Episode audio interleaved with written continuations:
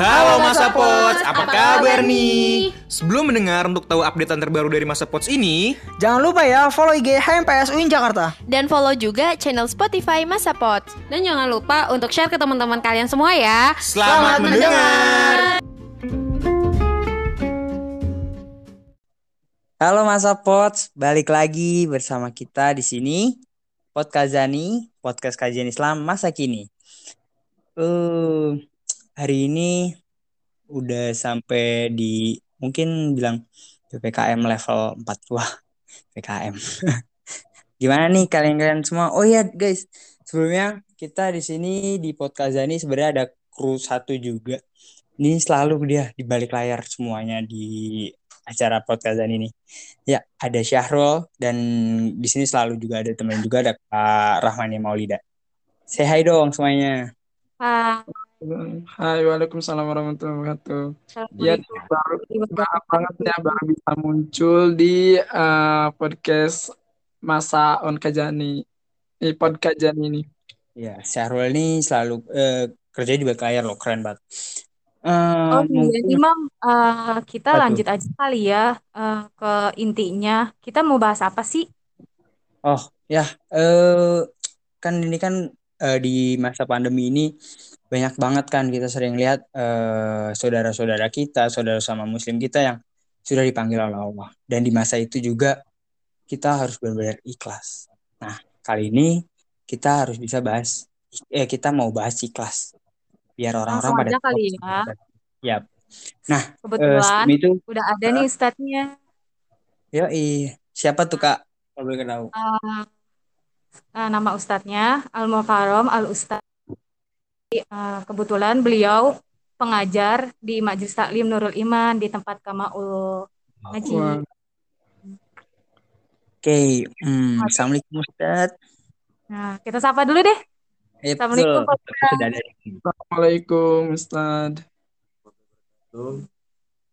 Nah, lanjut aja kali ya ke sesi tanya jawab. Nah, Boleh, boleh, boleh. sesi pertama Ini nih ya. tadi udah. Nah, Pak Makmul mau ngajuin pertanyaan. Kira-kira, Ustaz, eh, pengertian dari ikhlas itu apa sih, Ustaz? Bismillahirrahmanirrahim. Puji syukur kita kepada Allah dari segala nikmat yang telah Allah berikan kepada kita. Salawat beserta salam selalu tercurahkan kepada junjungan Nabi besar kita Nabi Muhammad Sallallahu Alaihi Wasallam dan salam selalu tercurahkan kepada keluarga Nabi, sahabat-sahabat Nabi sekaligus kepada seluruh umat Nabi besar Muhammad. Kalau kita berbicara tentang ikhlas di dalam definisi para alimin ulama banyak sekali definisi ikhlas. Di antara definisi ikhlas itu tasbiyatul amal an mulahadatil makhlukin. Bersihnya amal daripada perhatian makhluk. Dia melakukan amal karena lillah atau mencari ridhonya Allah bukan untuk mencari pujian orang lain atau ingin menghasilkan urusan-urusan dunia. Itu namanya ikhlas. Bagaimana dalam firman Allah di dalam surah Al Imran ayat 29 Allah berfirman, "Qul in tukhfu ma fi sudurikum aw tubduhu ya'lamullah ma fis samawati wa ma fil ard wallahu ala kulli syai'in qadir." Katakanlah ya Muhammad, jika engkau menyembunyikan sesuatu di dalam dadamu atau sesuatu yang kamu tampakkan, semua itu Allah tahu. Allah mengetahui sesuatu yang ada di langit dan Allah juga mengetahui sesuatu yang ada di dalam bumi. Karena Allah atas segala sesuatu itu mampu. Ini itu pengertian secara definisi ikhlas. Bagus banget. Adalah Apa lagi nih, Pak? Oh, mantap banget penjelasannya. Eh, Ustaz, hmm, dari penjelasan itu pengen nanya dong, kalau di kehidupan sehari-hari kan pasti adalah kayak apa sih penerapan ikhlas ini di kehidupan keseharian kita gitu biar semakin tahu ikhlas tuh gimana sih di kehidupan sehari-hari. Gitu, Ustaz. Bismillahirrahmanirrahim. Kalau kita melihat di dalam hadis Nabi Muhammad riwayat dari Abu Hurairah ini Nabi Muhammad bersabda innallaha la yanzuru ila ajsamikum wala ila suarikum wala ila qulubikum. Allah tidak memandang kepada jasad manusia. Allah juga tidak melihat kepada bentuk rupa manusia, tapi Allah melihat kepada hati manusia. Artinya, segala apa pun bentuk kita barengi dengan hati yang ikhlas di dalam kehidupan kita sehari-hari, Allah akan mudahkan jalan. Allah akan mudahkan urusan. Bagaimana ucapan daripada Umar bin Khattab kepada Abu Musa Ash'ari, beliau pernah berkata begini, Khalasot niyatuhu kafahullahu ta'ala ma bainahu wa bainan nas. Siapa orang yang niatnya baik, maka Allah akan mencukupi urusan dirinya dan urusan di antara manusia. Jadi kalau kita berbuat baik dalam kehidupan kita sehari-hari, apa pun perbuatan akan Allah mudahkan. Ini sebagaimana ucapan Umar bin Umar bin Khattab kepada Umar eh, kepada Abu Musa al Ashari. Jadi Allah akan kasih jalan keluarnya seperti itu. Hmm, Ada lagi? Keren banget ya. Eh, mungkin Syahro ada pertanyaan nggak? Eh ada sesuatu yang mau ditanya. Oh iya.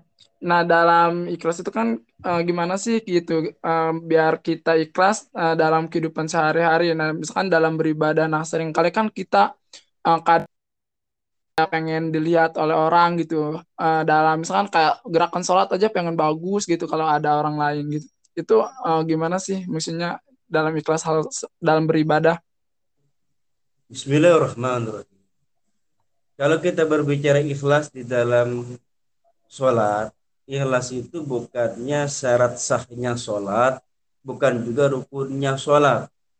Tapi ikhlas di dalam sholat adalah kesempurnaan di dalam sholat. Nah, apabila kita mengerjakan sholat, ya, dibarengi dengan hati yang gak ikhlas, itu nanti dalam faedah ulama mengatakan wujuduhu keadami, adanya kayak tidak ada. Artinya tidak mendapatkan nilai pahala bentuknya memang sholat tapi di hadapan Allah tidak bernilai. Nah jadi bagaimana solusi dan cara kita ketika kita beribadah ingin eh, ketika kita beribadah tidak ada rasa pengen dapat pujian orang artinya pujian kepada Allah makanya ketika kita niat sholat contoh usolli fardu zuri arba rakaatin mustaqbil al kiblati adaan lillahi taala kalimat kata lillahi taala di sini sebenarnya pembelajaran kepada kita bahwa sholat yang kita kerjakan hendaknya pasrahkan hanya kepada Allah. Maka ketika kita sholat pengen dipuji orang, maka nilai pahala di hadapan Allah nggak ada. Hanya nanti bisa hanya mengukurkan kewajiban saja. Makanya di hari kiamat nanti ada hamba Allah di hari kiamat. Kalau kita buka dalam kitab Majalis Susaniya, ada hamba Allah yang ia mendapatkan buku catatan di tangan kanannya, kemudian dia merasa aneh. Dia nggak haji dapat dapat pahala haji. Dia nggak sodako tapi dapat pahala sodako. Kemudian hamba ini berkata ya Allah waktu di dunia saya nggak haji. Waktu di dunia saya nggak sodako. Tapi kenapa ada pahala haji pahala sodako? Kemudian apa kata Allah? Itu disebabkan karena niatmu. Itu disebabkan karena niatmu maka dengan sebab niat pengen haji dia nggak pergi haji di hadapan Allah ada nilai pahala haji tapi sama ketika kita mengerjakan sholat, pengen dipuji orang. Memang perbuatan kita sholat, tapi di hadapan Allah kayak kita nggak sholat bakal apa. Jadi orang yang melakukan amal dibarengi dengan hati yang nggak ikhlas, di hadapan Allah tidak ada nilainya.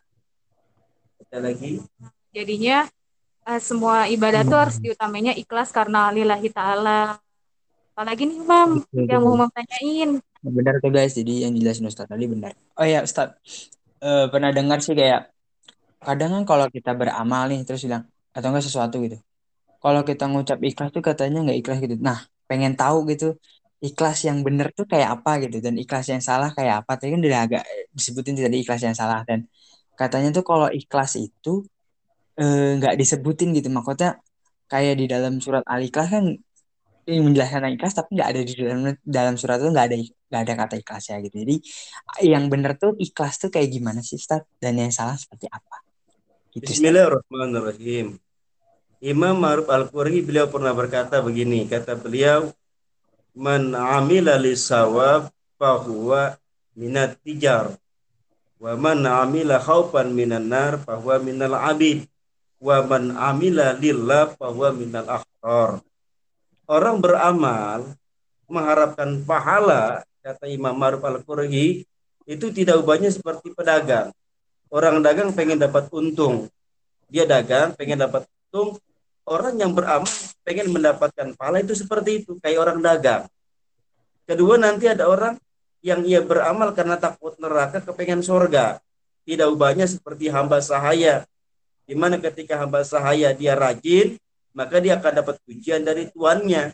Tapi ketika dia malas akan dapat celaan dari tuannya. Sama kayak orang yang beramal takut neraka pengen surga. Itu juga termasuk ikhlas. Tapi nanti ada tingkatan yang paling tinggi, keikhlasan yang paling tinggi adalah ia melakukan amal semuanya lillah karena Allah. Inilah keikhlasan yang paling tinggi. Maka ketika ada orang yang melakukan amal disebutin gua ikhlas, maka tingkatan yang diharapkan adalah ikhlas yang tingkatannya rendah, tidak tingkatan yang paling tinggi. Uh, ada lagi itu hmm. Jadi gitu guys, jadi kalau beramal lagi berbuat baik, ya tadi yang diucapkan Ustadz tadi gitu. Nah, oh mau ada sesuatu yang mau disampaikan lagi?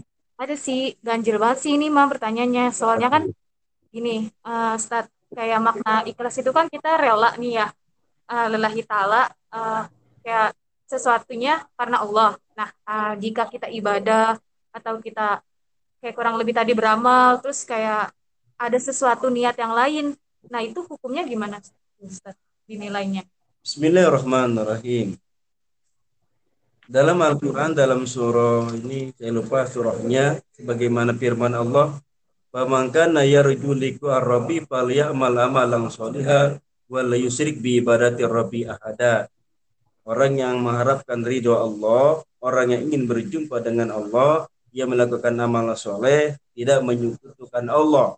Kalimat kata menyekutukan Allah, dia beramal mengharapkan bukan ridho Allah, tapi mengharapkan kepada selain Allah. Kemudian apabila ada orang yang melakukan amal tidak dibarengin hati yang ikhlas, apakah masuk kepada hukum haram atau tidak? Begini. Kalau kita berbicara ikhlas, ini tingkatan torekot bukan syariah. Kalau berbicara syariah, kayak misalnya kita maling, ya jelas haram kita minum minuman khamar jelas haram. Tapi ketika tantoreko, inilah tingkatan toreko namanya ikhlas. Ikhlas ini larinya kepada hakikat, bukan lagi kepada syariat. Bukan ngomongin haram, halal, mubah, tidak. Tapi ke, kembali kepada diterima atau tidak diterimanya amal kita. Itulah berbicara masalah ikhlas. Bukan haram dan tidak haram. Karena itu bukan syariat. Larinya kepada torekot. Dan lagi apa nih ya? Kayaknya Syahrul nih ada pertanyaan lagi nggak nih Syahrul? Oh iya, jadi uh, udah uh, ini ya uh, cukup jelas mengenai ikhlas itu. Nah, dalam kehidupan sehari-hari, nah kita itu uh, gimana sih pengen tahu gitu orang yang ibadahnya ikhlas, terus uh, orang yang enggak gitu. Biar misalkan nanti ada yang ngasih kita hadiah atau sesuatu gitu, biar tahu gitu, dia itu ikhlas, enggak enggak diomongin ke orang lain gitu. Bismillahirrahmanirrahim. Imam Yaqub Al-Ma'kuf rahimahullah beliau pernah berkata begini, Al-mukhlis man mayaktumu hasanatu kama yaktumu syai'atu. Orang yang disebut dengan mukhlis adalah orang kebaikan dan kejelekannya itu enggak diumbar-umbar. Jadi maksudnya enggak diumbar-umbar itu enggak ditampakin kepada orang lain. Jadi ketika dia melakukan kebaikan, dan juga melakukan perbuatan yang jelek itu tidak diumbar kepada manusia. Jadi memang kembali kepada keikhlasan ini yaitu hal kembali kepada hati. Yang namanya berbicara hati tidak ada yang tahu, hanya Allah yang Maha tahu. Hati manusia itu hanya Allah yang tahu. Kalau manusia, manusia kan masa suatu nasia lupa, manusia itu adalah makhluk Allah yang banyak lupa. Bagian batin manusia, manusia itu nggak bakalan tahu kecuali manusia itu dengan Allah. Makanya kalau kita pengen tahu ciri orang itu ikhlas dan tidak ikhlas, kembali kepada hati manusia itu rada susah. Tapi banyak para alimin ulama menerangkan tentang ikhlas di sini kembalinya kepada batin bukan ciri bukan kita mengetahui ini simpulan ikhlas atau tidak itu semuanya kembali kepada Allah.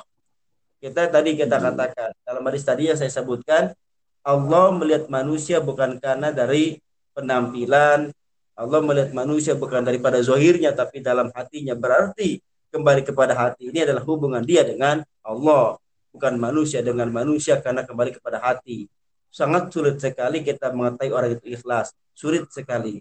Jadi makanya kalau kita lihat dalam ucapan Imam Hakim, ikhlas itu adalah azizun. Ikhlas itu susah. Ikhlas itu sulit. Artinya mengetahui itu sangat sulit sekali. Ada lagi? Nah, kurang lebih penjelasan. Uh, Banyak uh, banget. Ustaz, faedah. pengen lagi nih kayak apa? Kayak kita kan dunia remaja gitu kan buat anak-anak muda zaman sekarang. Uh, adalah dibilang kan pacaran padahal kan pacaran nggak boleh tapi kan kadang juga ada kayak gini ditinggal sama kekasihnya gitu jadi nah. ikhlas aja nah itu sistemnya gimana tuh ikhlas itu ber bermaksud salah kah atau gimana deh? Kan di mana pacaran pun itu nggak boleh tapi kan kita juga belajar ikhlas dari situ itu. Itu gimana? Ya namanya remaja. Hmm. begini kalau berbicara hmm. tentang masalah pacaran ya dalam Al-Quran wala taqrabu zina janganlah kamu mendekati perbuatan zina. Ini dalam konteks pacaran sebenarnya bukan zina hakiki Lejina hakiki maaf ini kita berbicara syariat hubungan laki-laki dengan perempuan atau suami istri namanya zina di luar nikah itu kan zina. Tapi kalimat kata wala taqrabu zina inilah yang disebut dengan pacaran, pegang-pegangan termasuk wala taqrabu zina. Nah, kalau konteks ikhlas diucapkan kepada laki-laki dengan perempuan yang dia maaf, yang dia bukan mahram kemudian dia ngomongin ikhlas itu bukan tempatnya. Itu bukan lari kepada konteks ikhlas sebenarnya tapi itu merasa cinta ya rasa kepengen. Tapi dalam kategori hukum agama itu larinya kepada hukum haram. Ini syariat larinya. Ilas itu tiga dan torekot bukan larinya kepada syariat. Makanya ketika orang yang pacaran disebutin gue ilas cinta sama lu. Maaf ini mah bahasa kasar. Saya cinta ya. ikhlas pada kamu itu bukan tempatnya sebenarnya. Karena itu bukan syariat. Ya ada lagi silakan. Nah, gimana hmm. mah jelas gak penjelasan Ustadz Ya betul guys, jadi anak saya udah taruh aja, ngobrol aja, jangan pacaran gitu. Kalau oh. mau menghindari zina ya kak, ya menikah. Umam lagi oh. mau mengikhlaskan seseorang kali nih. Wah, enggak. Siapa sih, Mam? Ya, fokusin oh, belajar dulu aja. Masih jauh. Um, mungkin ini kali kita di dunia perkuliahan, di dunia pendidikan, Ustaz. Ketika yeah. Eh, apalagi kan kita di akhir semester gini udah tahu dapat nilai-nilainya terus ada nilai yang jelek. Padahal usaha kita di pelajaran itu udah mati-matian kayak setiap hari nanya setiap hari baca bukunya dan setiap hari menjawab. Padahal semua yang dia mau udah diturutkan dan semua jawaban menurut kita benar. Namun guru itu ternyata e, memberikan nilai secara bebas gitu nggak sesuai dengan apa yang dilihat. Jadi dapat nilai kecil gitu kan. Uh, mungkin dari ikhlas di situ Ustaz, saya juga berpikir bahwa ya udah deh ikhlasin aja mungkin kita dapat ilmunya. Ya maaf. Mm -hmm. kalau ya, kita berbicara nilai nilai hmm. dari manusia dari guru. Guru itu hanya melihat bentuk kepintaran seseorang dari bentuk tulisan ya. Dalam pernah ada cerita? Ya cerita gini. Dulu di pesantren di pesantren itu ada santri yang memang hebat ke ilmu nahunya.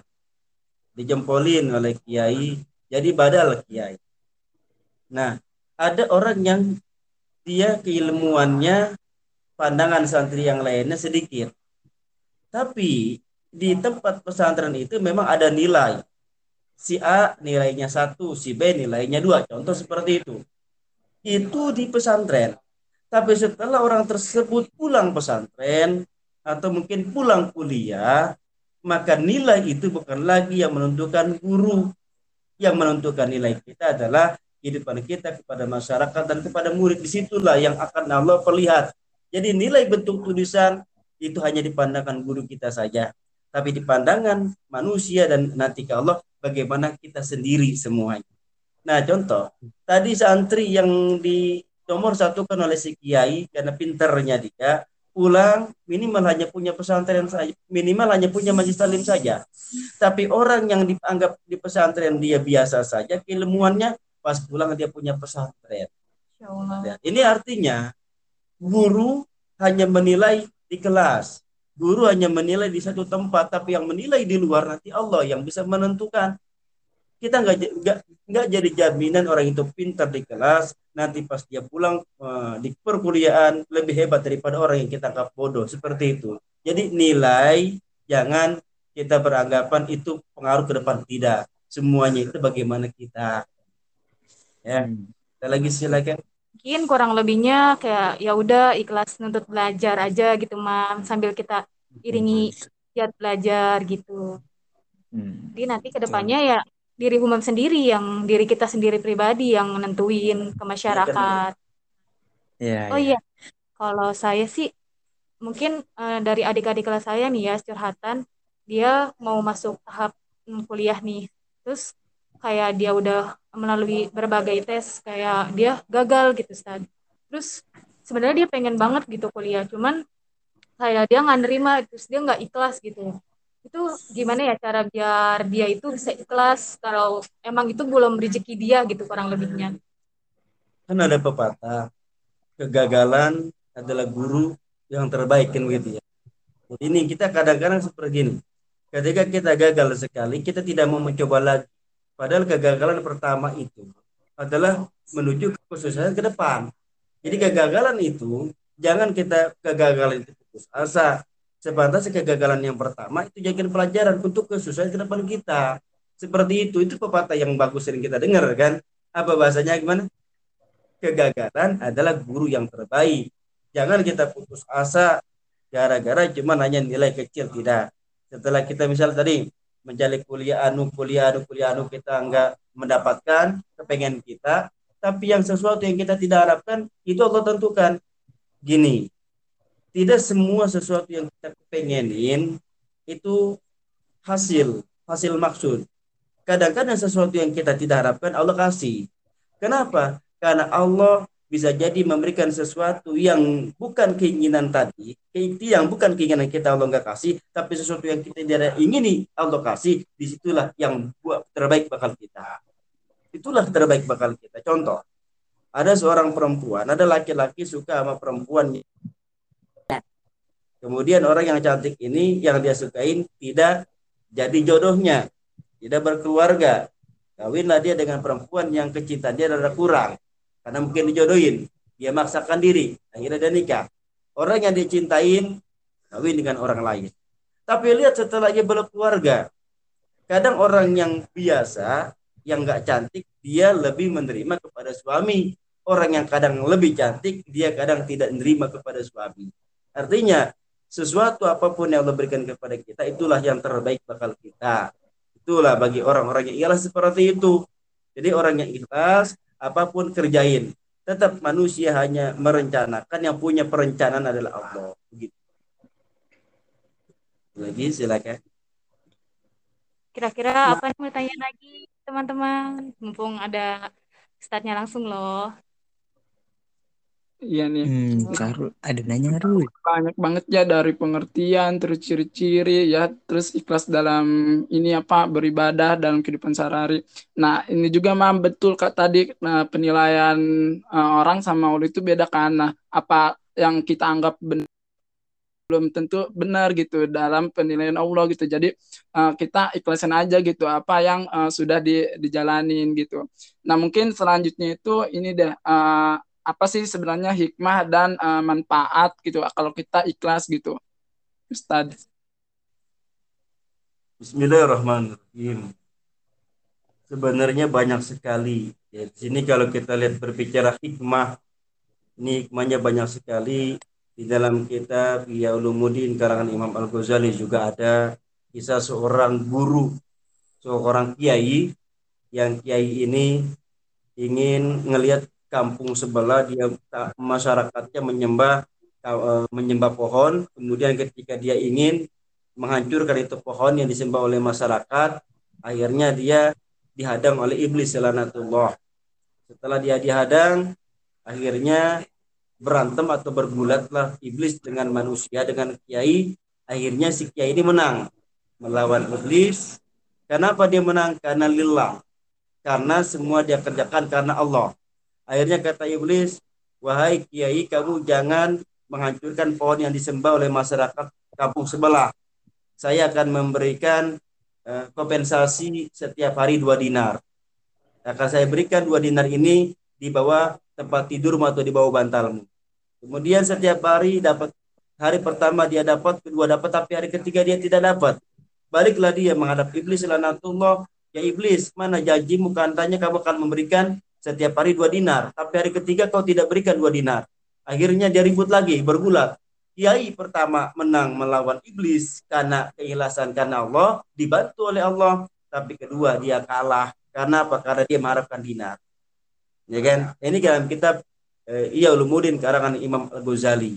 Jadi banyak orang yang dia melakukan perbuatan tidak dibarengi dengan ikhlas. Di situ adalah kekalahannya dia di situ adalah kebangkrutan dia. Jadi orang yang tidak ikhlas dalam melakukan perbuatan banyak kebangkrutan akan timbul fitnah itu salah satunya.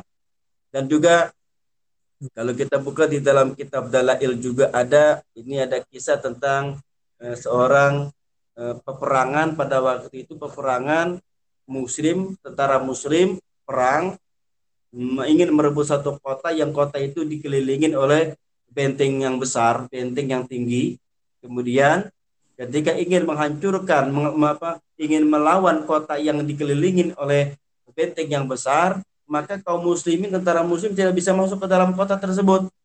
Tidak bisa masuk. Akhirnya ada tentara yang bisa menggali lubang di bawah benteng. Mana benteng tersebut digali lubang, setelah digali, tembuslah ke dalam kota. Setelah itu tentara ini melaporkan kepada panglima perang, wahai panglima, saya sudah menggali lubang untuk masuk ke dalam kota. Saya ingin membuka pintu gerbang kota ini atau pintu gerbang benteng yang nanti tentara muslim akan masuk me, apa, e, menguasai di kota. Akhirnya dia masuk ke dalam lubang, dibukalah pintu gerbang seluruh kaum muslimin masuk ke dalam kota, akhirnya kota itu bisa dipegang atau dikuasai oleh panglima perang muslim pada waktu itu. Akhirnya panglima perang muslim berkata, mana orang yang menggali lubang. Pada hari kedua, mana orang yang menggali lubang. Saya ingin memberikan hadiah. Di hari pertama tidak ada jawaban. Di hari kedua pengumuman tidak ada jawaban. Di hari yang ketiga juga tidak ada jawaban. Di hari keempat tidak ada jawaban. Datanglah seorang tentara berkata, Wahai panglima perang, orang yang menggali lubang di bawah benteng ini, dia minta tiga syarat. Kalau kamu ingin tahu siapa yang menggali lubang ini, dia minta tiga syarat. Syarat pertama, dia minta jangan dikasih hadiah. Syarat kedua, namanya jangan diumumin lagi. Ketiga, jangan dipanggil. Akhirnya kata panglima perang, saya sanggupin. Itu itu perjanjian. Akhirnya sayalah yang telah menggali lubang. Kata panglima, kamu yang menggali lubang? Iya. Tadi syarat ketiga, saya menggali lubang, jangan saya dikasih hadiah. Semua itu karena ridho pada Allah. Saya menggali lubang menembus kota karena saya ingin mengharapkan ridho Allah bukan mengharapkan hadiah. Kedua, panglima eh, syarat yang kedua jangan kau umumin nama saya. Engkau sudah tahu nama saya, nama saya jangan disam, di apa disampaikan kepada tentara yang lainnya. Ini nama saya. Ketiga, jangan disebut-sebut lagi, tidak ada lagi panggilan-panggilan eh, mana penggali lubang. Ini tiga syarat. Akhirnya panglima perang munajat sama Allah. Apa kata panglima perang? Ya Allah, jadikanlah saya dengan penggali lubang ini di dalam surga bersama dia. Tuh lihat. Jadikanlah saya bersama penggali lubang ini di surga bersama dia. Kata panglima perang. Apa? Orang yang ikhlas itu tidak ingin mendapatkan ujian daripada orang lain, tidak ingin mendapatkan sesuatu daripada orang lain ataupun uh, uh, balasan dunia enggak ya. Tapi ingin mencari ridho Allah. Biasanya kalau orang yang ikhlas akan mendapatkan kemenangan di dunia dan di akhirat itu. Jadi orang yang biasanya dibagi dengan ayat yang jelas, hari ini dia memang tidak mendapatkan, suatu hari akan Allah ganti yang lebih daripada apa yang diharapkan. Seperti itu. Itu namanya. Itu di antara Oh, iya. ya teman-teman. Apa, Mam? Oh ya Ustadz, ini di masa pandemi ini eh, banyak yang sakit dan kemarin saya ngobrol sama seseorang sih ya, COVID mungkin dari yang jauh. Semoga dia bisa mendengar penjelasan Ustadz. Dia sakit COVID kan sekeluarga gitu, terus mulai hil- hilang kayak hilang mulai hilang mata pencarian dia, terus hilang pendapatan dia. Saya bilang, jadi ikhlasin aja dulu siapa tahu nanti bisa dapat eh, sesuatu yang depan. Tiba-tiba, eh bukan tiba-tiba besokannya ada keluarganya yang dalam satu rumah itu eh, ibu kalau salah ibunya atau ayahnya gitu meninggal Ustaz. Terus makin makin dia kebu-kebu kayak nggak bisa ngiklasin gitu Ustaz. Itu gimana Ustaz? Biar bisa dia jelasin ke dianya juga. Mungkin dari di sini dia bisa mendengar. Gini, kalau kita lihat dari hadis Nabi banyak ya tentang masalah kematian ini pernah di dalam hadis ketika Allah Subhanahu wa taala telah menciptakan Nabi Adam dan keturunannya. Kemudian malaikat ngomong, "Ya Allah, bumi itu sempit. Nabi Adam sudah diciptakan, keturunannya sudah diciptakan. Kemudian kata malaikat, Ya Allah, bumi itu sempit. Innal ardo tasauh. Bumi itu tidak akan mampu menampung manusia karena manusia banyak. Akhirnya apa kata Allah? Ini jailu maut akan jadikan kematian. Kematian salah satu cara Allah untuk membuat bumi ini tidak sempit. Ini sebagian cara Allah. Nah kemudian kata malaikat, Wah ya Allah berarti manusia hidup di dunia nggak tenang. Iya. Manusia hidup di dunia itu tidak ada ketenangan, ketenangan hakiki nanti di surganya Allah. Kemudian apa jawabnya Allah? Ini jailun amalan, walaupun manusia di dunia nggak tenang, tapi aku jadikan harapan apa amal soleh. Jadi amal soleh di sini adalah harapan untuk menuju kepada kampungnya hakikat yaitu kampung akhirat. Jadi begini, kematian itu memang sudah ditetapkan oleh yang maha kuasa. Makanya ketika kita penya, terkena penyakit, terkena, terkena sakit, maka hendaknya kita kita husnuzon kepada Allah. Ini cara Allah untuk menghapuskan kesalahan-kesalahan kita, menghapuskan dosa-dosa kita. Ya, maka maka ketika kita mendengar kita punya tetangga atau saudara dia meninggal karena misalnya penyakit COVID, ya udah kita husnuzon saja. Jangan sebab kita terkena penyakit, kita harapannya mati aja tidak. Jadi kalau kalau kita berpikiran buruk, berpikiran jelek, akan timbul penyakit yang menambah, yang akan bisa menimbulkan penyakit lebih parah. Itu. Jadi intinya apa? Kematian memang sudah ditentukan oleh Allah. Bagi kita seorang muslim, ketika dapat penyakit, itu cara Allah untuk menghapuskan dosa kita. Jangan kita berpikiran buruk, prasangka buruk kepada tetangga yang kena penyakit COVID, kita juga akan mati. Jangan. Harusnya kita husnuzon. Ini cara Allah untuk menghapuskan dosa kita. Mungkin tetangga kita udah wayanya dia wafat, udah wayanya dia meninggal, tapi kita dikasih penyakit cara Allah untuk menghinakan dosa kita. Jangan kita beranggapan kita akan meninggal, jangan. Nanti itu nanti larinya kepada suuzon, jelek sangka kepada Allah. Kemudian penyakit ini di sini kalau kita dasar penyakit semua itu penyakit memang udah ada dari dasar awal dari dunia dari eh, di manusia diciptakan itu penyakit memang sudah ada tapi di zaman ini di zaman ini memang ini penyakit eh, maaf eh, dibesar-besarkan akhirnya timbul pikiran-pikiran yang buruk yang pada akhirnya dari timbulan yang buruk ini timbul penyakit yang lain. Nah ini yang jadi masalah. Artinya penyakit itu memang sudah ada cuman kita sebagai manusia tetap diwajibkan bagi kita berobat diwajibkan bagi kita berobat dengan bentuknya untuk menyembuhkan penyakit itu syariat. Karena Nabi Muhammad juga ketika beliau dikasih penyakit beliau juga tetap berobat. Jangan kita dikasih penyakit kita nggak berobat tetap wajib hukumnya bagi kita bero berobat. Dan juga jangan suzon prasangka buruk bahwa ketika teman kita atau tetangga kita kena penyakit covid juga kenapa jangan ketika kita berpikiran seperti itu maka akan datang penyakit-penyakit yang lain yang akan membuat drop badan kita akhirnya kita akan wafat. Itu yang nggak baik sebenarnya karena suzon. Jadi penyakit diawali oleh buruk sangka yang nggak bagus. Contoh orang dengki. Orang dengki tetangga punya barang baru dia dengki artinya hati ngedumel hati ngedumel hati ngedumel timbul penyakit itu itu gak baik sebenarnya artinya solusinya ya udah kita pasrahkan semua itu kepada Allah bahwa segala penyakit yang Allah berikan kepada kita itu cara Allah untuk menghapuskan dosa kita begitu banget sih penjelasannya Iya banget. Jadi uh, bagi orang yang di masa pandemi ini cocok banget dengerin dan tanamkan itu pada diri sendiri. Gitu guys. Bener. Jadi pikiran kita tuh harus uh, ituan jangan boleh sujon harus husnujon gitu. Terus nggak boleh berpikiran yang kayak negatif gitu gitu. Ya. sekolah tetangga yang terkena covid kalau bisa ditolong gitu. Jangan kayak siap. jangan kasih pressure terus ke orang-orang tersebut. Kita tuh harus benar-benar orang saling menolong. Ya. di masa ini di masa pandemi ini di masa covid ini benar-benar ladang amal kita deh. Nah ya benar-benar lagi diinin juga sih diuji juga ladang amal kita gitu. Kayak harus lebih peduli lebih care gitu aware ya. gitu. Oh iya nih Syahrul katanya nih ada yang ada yang mau ditanya lagi nih Stat kurang lebih. Uh, iya nih. Nah di jam sekarang itu kan apa-apa gitu kayak di posting gitu ya uh, berbuat baik terus kayak Uh, terus ada tanggapannya gitu Allah uh, kayak ria lu. Nah sedangkan tadi kan ikhlas itu uh, kita nggak bisa ngelihat itu soalnya kan itu ada uh, dalam hati gitu nggak bisa lihat nah tapi kadang-kadang banyak orang yang ngejas gitu atau menilai langsung ada itu kayak riam uh, posting-posting segala foto apa pun itu gimana Ustad? Bismillahirrahmanirrahim. Ketika ada orang melakukan kebaikan kemudian dia posting di HP dia share misalnya. Nah di sini kalau kata Imam Abu Usman rahimahullah beliau mengatakan al ikhlas nisyanur kalki yang namanya ikhlas itu lupa pengen dilihat orang. Jadi namanya ikhlas itu lupa pengen dilihat orang, tapi dia melakukan amal pengen dilihat Allah itu.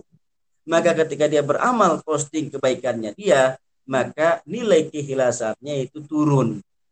Jadi bukan lagi nilai keikhlasan yang tinggi. Jadi keikhlasannya dia itu udah turun.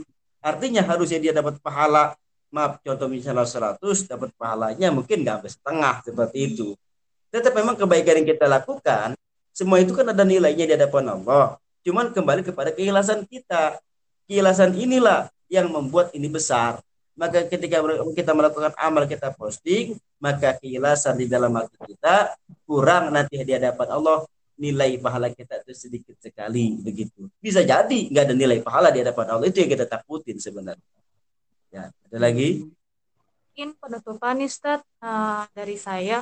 Gimana ya uh, mau minta nasihat aja sih dari Ustaz sendiri buat kita sebagai selaku pelajar gitu masih mahasiswa gitu yang lagi kadang uh, gimana ya di masa pandemi yang sudah kayak gini terus nerapin ikhlas itu sendiri tuh dalam kehidupan sehari-hari entah dalam kayak kita situasi belajar yang suntuk kayak gini kan apalagi online terus itu kayak gimana.